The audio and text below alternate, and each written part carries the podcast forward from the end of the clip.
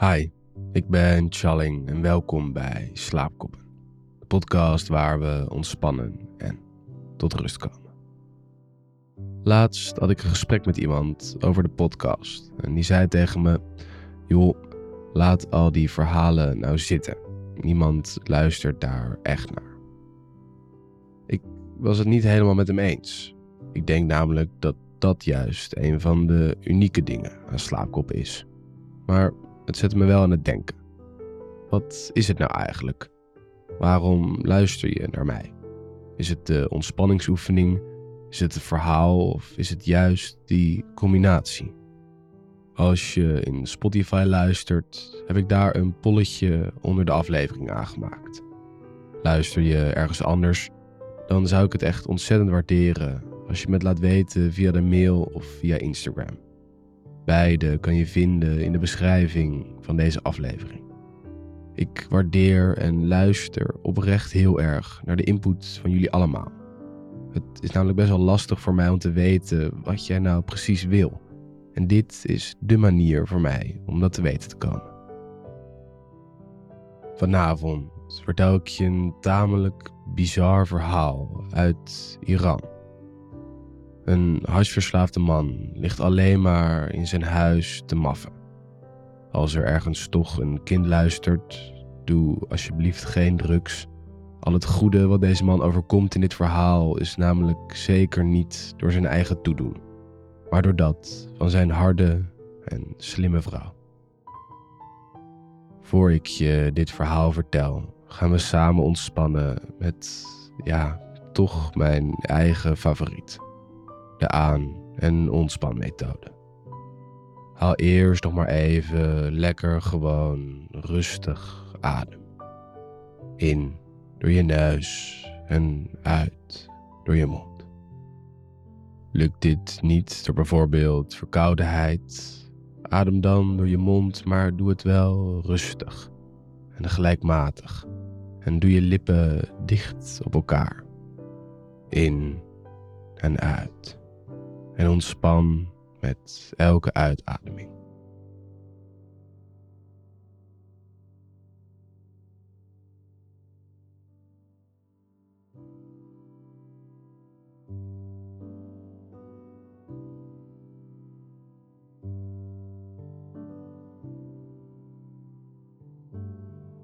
Ga even lekker op je rug liggen en hou een paar keer lekker diep adem. In door je neus en uit door je mond.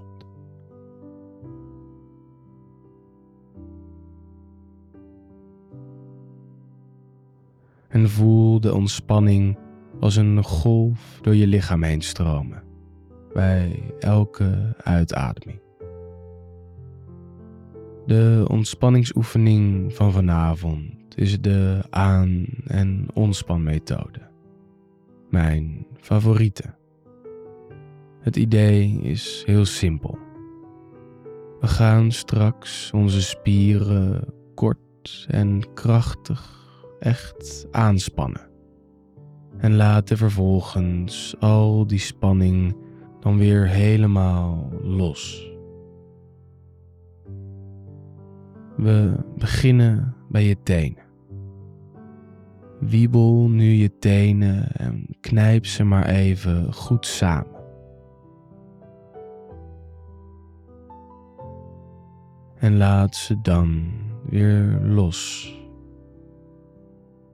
Dan gaan we nu naar je voeten en beweeg ze maar echt even goed.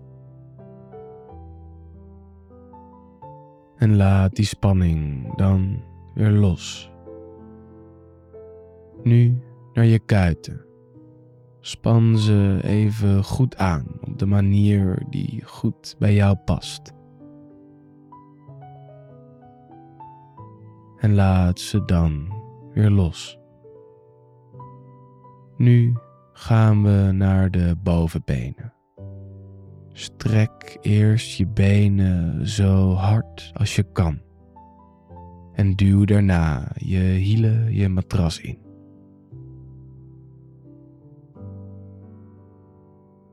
En als je dat hebt gedaan, laat je daarna al die spanning weer helemaal los. Voel die ontspanning in je benen. Span nu je bilspieren even hard aan. En laat die spanning dan weer los. Maak nu je rug helemaal hol. En ontspan dan weer. En span nu je hele buikspieren helemaal aan. En laat dan al die spanning weer gaan.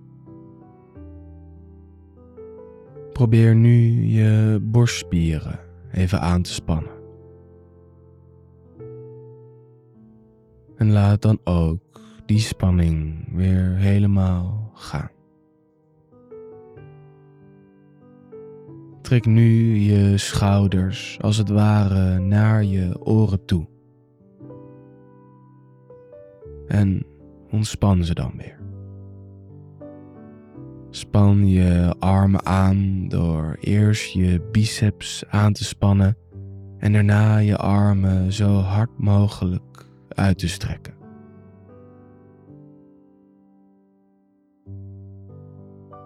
En laat dan die spanning weer helemaal wegvallen.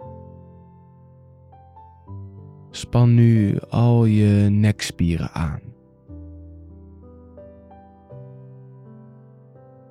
En laat die spanning dan weer los. En tenslotte span je al je spieren in je gezicht aan. Ja, trek maar even gekke bekken dat werkt goed. Het is oké. Niemand ziet je. En ontspan dan weer volledig.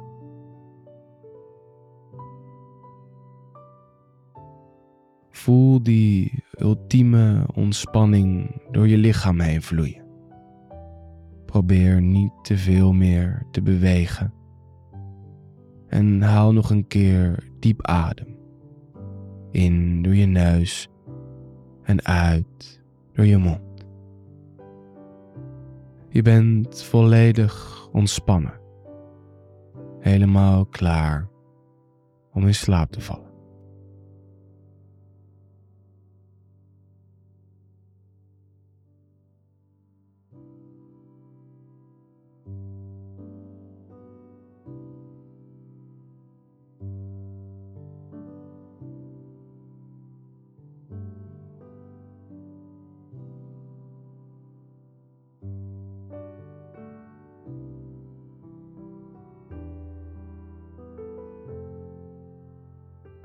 Er was eens een man die ongelooflijk lui was en aan hash verslaafd was.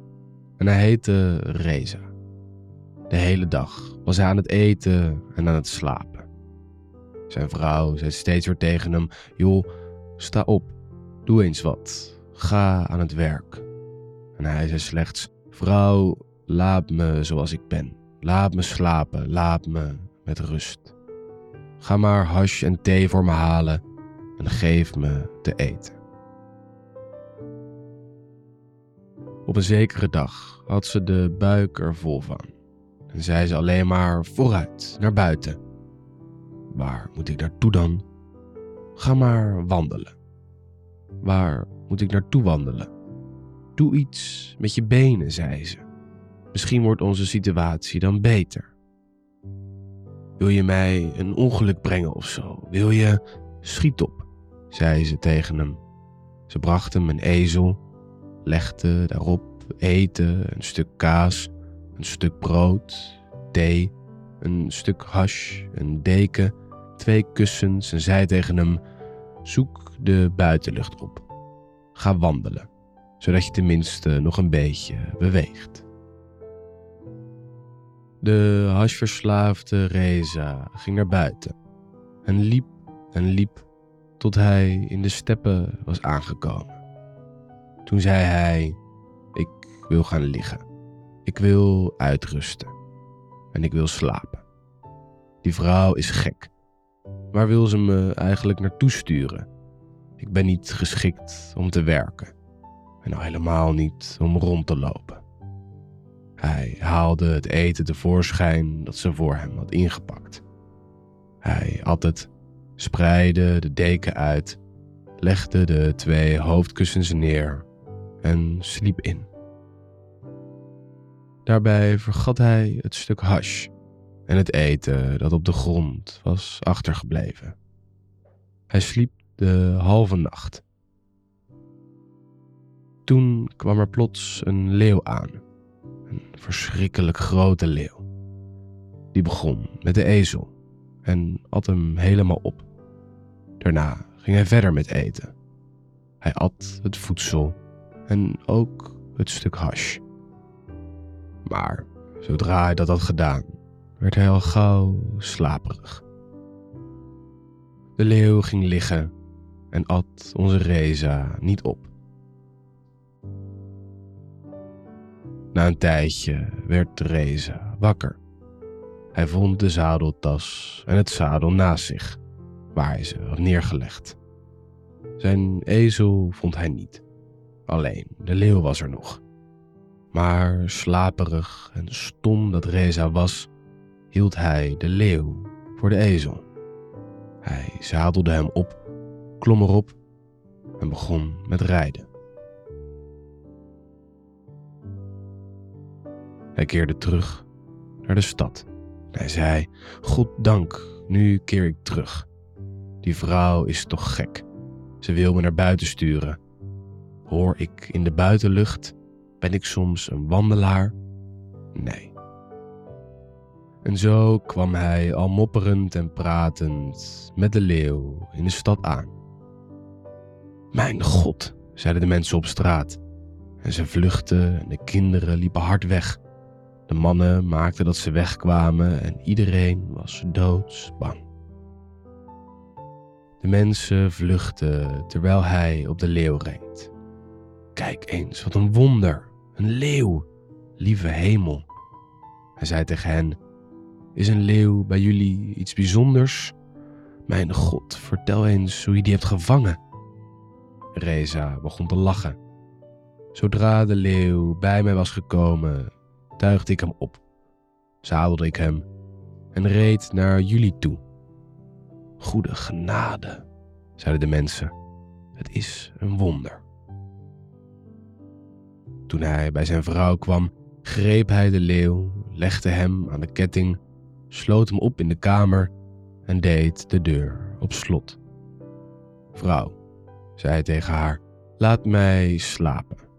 Geef me hash, geef me mijn eten. Jij hebt me te gronden gericht.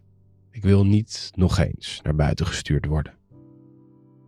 Ga maar slapen, zei ze tegen hem. Nu bewijst God onze grote dienst. Dat had ze meteen begrepen zodra ze de leeuw had gezien. Toen gebeurde er wat ze had verwacht. De boden van de sultan kwamen al naar haar toe. Geef ons de leeuw die je gevangen hebt.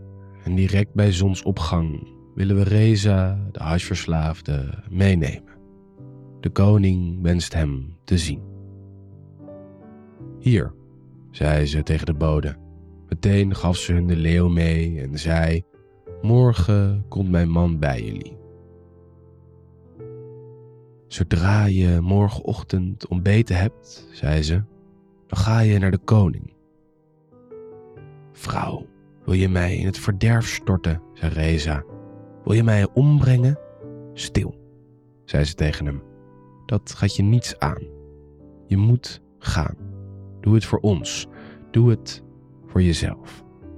En hij zei tegen haar: Wat moet ik tegen hen zeggen als ik ga? Zodra je binnenkomt en als ze je vragen: Hoe heb je de leeuw gevangen? Dan zeg je het volgende. Is een leeuw bij jullie soms iets bijzonders? Voor mij is dat iets heel natuurlijks. Zodra hij kwam, heb ik hem opgetuigd en opgezadeld. En als ze jou een opdracht geven, zeg dan: geef mij drie dagen de tijd. En dan kom je bij mij. Ik zal het voor je regelen. Reza sprak: Wil je mij een ongeluk brengen? Kan ik opdrachten uitvoeren? Ik, zei hij. En ze zei tegen hem: Houd je daar maar niet mee bezig. Ik zal het regelen. En hij ging akkoord. De volgende dag vertrok hij. Hij deed een stap naar voren, een stap naar achteren en ging op weg. Hij kwam bij de koning binnen, werd door hem begroet en ook de ministers stonden voor hem op. Ze brachten hem de beste stoel en hij mocht gaan zitten. Vertel ons eens hoe jij die leeuw hebt gevangen, zei de koning tegen hem. En Reza zei: Hoezo? Is een leeuw bij jullie zoiets bijzonders? Toen hij kwam aanlopen, heb ik hem opgetuigd en ben ik opgestapt, alsof het mijn ezel was. Een leeuw heeft voor mij de waarde van een ezel.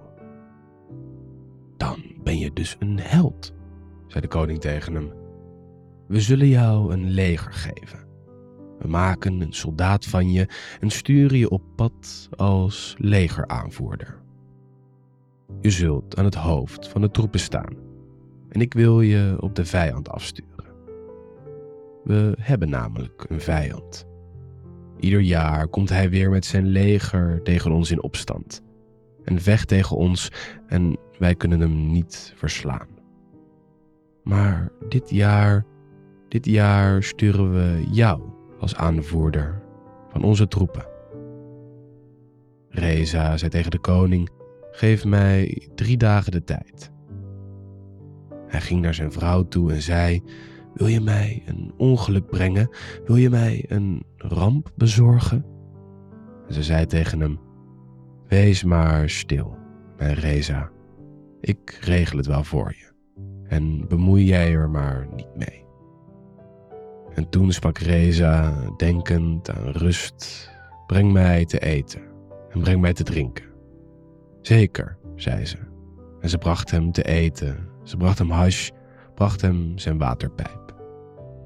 Ze gaf hem eten en drinken. En daarna zei ze tegen hem: Nou, heb je niet tegen hen gezegd drie dagen? Ga dus maar naar hen toe en zeg hun op de derde dag: Geef me een paard, het sterkste paard uit de stal, dat als het ware vliegt als ik het bestegen heb en in de buitenlucht kom. En geef mij drie zakken: een zak met amandelen, één met pistaches en één met walnoten. Die kan ik kraken en eten. En geef mij bovendien een zak met daalders, zodat ik de geschikte kledij kan kopen. En geef mij wapens, omdat ik nu met het leger erop uit moet. Goed, zei Reza, en hij vertrok. Hij zei tegen de koning en zijn metgezellen wat ze hem had opgedragen. Ze bewapenden hem en gaven hem alles wat hij wilde. Ze gaven hem geld, een paard, de zakken, alles. Daarna kocht de vrouw van Reza voor hem een leren pak, dat, als hij het aantrok, hem volledig met leer bedekte. Handen, zijn gezicht, zijn benen, alles was bedekt. Alleen zijn ogen waren nog te zien, en de neus en de mond. Maar het was maar een hele kleine opening. Ze pakte lijm, kookte die en smeerde daarmee zijn bovenbenen, zijn voeten en zijn achterste in. En zei: Houd jij de teugels zo stevig vast als je kunt. Laat niet los. Of het paard vliegt of rent of stilstaat, houd de teugels vast. Laat ze in geen geval los. Daarna opende ze de deur en zei: Vooruit, doe maar. God zij met je en neem het geld mee. En daar ging Reza. Nauwelijks was het paard bij de deur of het vloog er al vandoor. En de soldaten erachteraan. Ze renden naar buiten alsof ze gek waren. Ze kwamen buiten en renden en renden. En de man, onze Reza, voor hen uit. De sultan, die met hen oorlog kwam voeren en die ze moesten verslaan, had een kaal hoofd. Reza probeerde zich aan de boom vast te houden. Hij trok hem met zijn handen uit de grond. Hij probeerde zich aan een blokhut vast te houden, maar die stortte ineen. Zijn vrouw had er namelijk slim voor gezorgd hem vast te lijmen aan het snelle paard. En toen begon Reza uit pure paniek te schreeuwen. Houd me vast, zodat ik niet val. En de soldaten dachten dat hij zei: Houd die koukop nou vast. En hij zei het steeds weer: Houd me vast, ik val. Maar de soldaten dachten dat hij zei: Waar is hij, de koukop? Waar is hij? En ze riepen steeds maar weer naar hem toe. En ze herhaalden: Waar is de koukop? Ze renden verder naar tenten en ze verwoesten ze volledig. Ze grepen de koukop en toen de vijandige soldaten hem hoorden: Houd me vast, ik val, dachten ze dat hij riep: Houd de koukop vast. En op dat moment verlieten ze hun koning in de steek en vluchtten ze. De koukop werd geboeid en ze namen hem mee. En de huisverslaafde Reza keerde terug met zijn paard. Tegen allen die met hem wilden spreken, zei hij slechts boehoe. Hij was klaar. Hij was op. Hij kon niet meer. Hij kon geen antwoord meer geven. Het schuim kwam uit de mond, zo vermoeid was hij. Hoe kwam je overwinning tot stand? Hoe heb je hem kunnen vangen? zeiden de mensen. En hij zei slechts: Boehoe. Hij kwam weer bij zijn vrouw en riep: Doe de deur open, open. Wat een wonder, wat een mooi bericht, zei ze. Boehoe, zei hij. Hij was totaal uitgeput. Hij gooide zich lang uit op bed en deed zijn pak uit. Mijn God, zei hij tegen haar, nu is het afgelopen. Geef me mijn leven terug. En toen moest de vrouw hard lachen. De man nam zijn hash en ging slapen. Vanaf nu af aan at en sliep hij de hele dag. En was lui en verslaafd aan hash, net als vroeger. Maar zijn vrouw zei er niets meer over. Want door haar handigheid hadden ze hun leefomstandigheden drastisch verbeterd en konden ze nu eindelijk onbezorgd leven.